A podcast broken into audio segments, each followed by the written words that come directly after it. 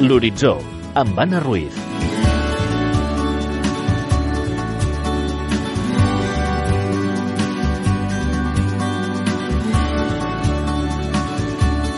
L'Horitzó.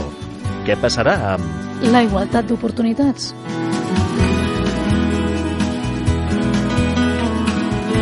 La crisi econòmica ha provocat més desigualtat, però també ha barrat el pas a la mobilitat social i la igualtat d'oportunitats.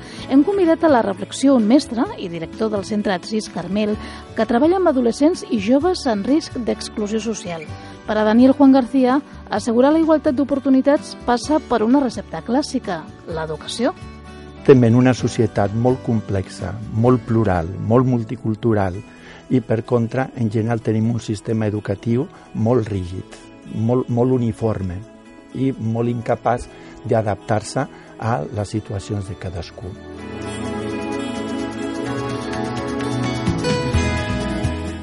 Ara, al juliol, eh, va, córrer un, va córrer el resultat d'un estudi americà, per exemple, on eh, es parlava com la situació de pobresa està repercutint inclús en eh, la quantitat de matèria gris que eh, es produeix en el cervell, el qual vol dir que des del nivell purament inclús neuro, neurofisiològic eh, hi ha una correlació entre pobresa i capacitat que pugui, que pugui generar el cervell, per exemple. No?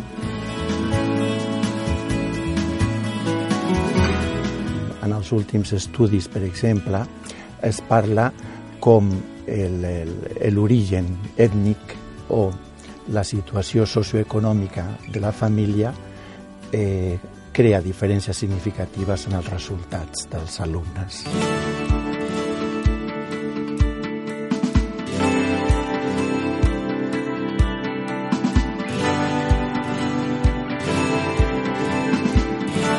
L'Horitzó, amb Anna Ruiz. Seria com a mínim recuperar el moment en el que ens havia deixat la crisi, en el sentit de que eh, amb la crisi s'han retirat molts recursos de l'educació que anaven molt encaminats a afavorir aquesta possibilitat d'una major adaptació. I els, els centres educatius han hagut de dedicar-se a salvar el mínim. Tens una classe amb 30 alumnes, amb un mestre i els, els atens com pots. No? Desdoblament de grups, atencions més individualitzades, serveis més especialitzats d'un psicopedagog, d'un psicòleg, d'un educador social que, que en alguns, en alguns eh, centres eh, educatius s'havia inclòs per situacions una miqueta més, eh, més dificultoses. Jo crec que això cal, cal, recu cal recuperar-lo. No?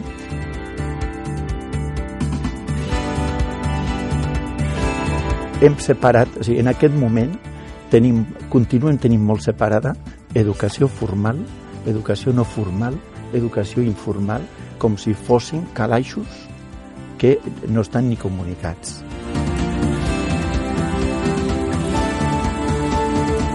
N'hi ha altres elements, jo crec, que cal reforçar des de dintre dels propis instituts i en aquest moment les entitats socials estem jugant un paper educatiu força, força interessant eh, en, en aquests serveis que de, de recolzament, de suport que estem oferint des de, des de les entitats, que moltes vegades estan fets més per la iniciativa privada i per la búsqueda de recursos que, que fem des de les pròpies entitats que eh, moltes vegades inclús per la, la pròpia administració inclús els, desco els desconeix.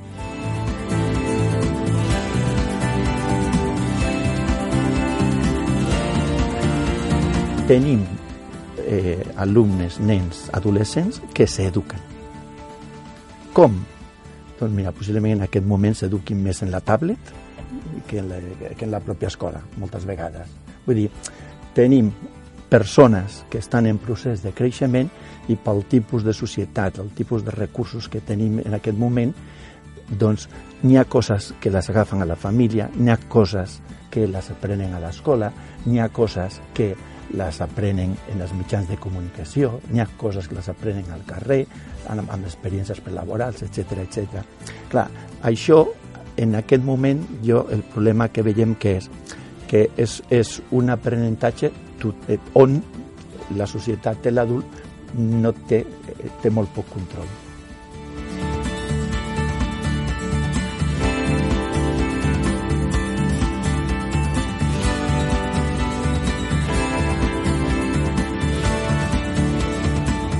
l'horitzó.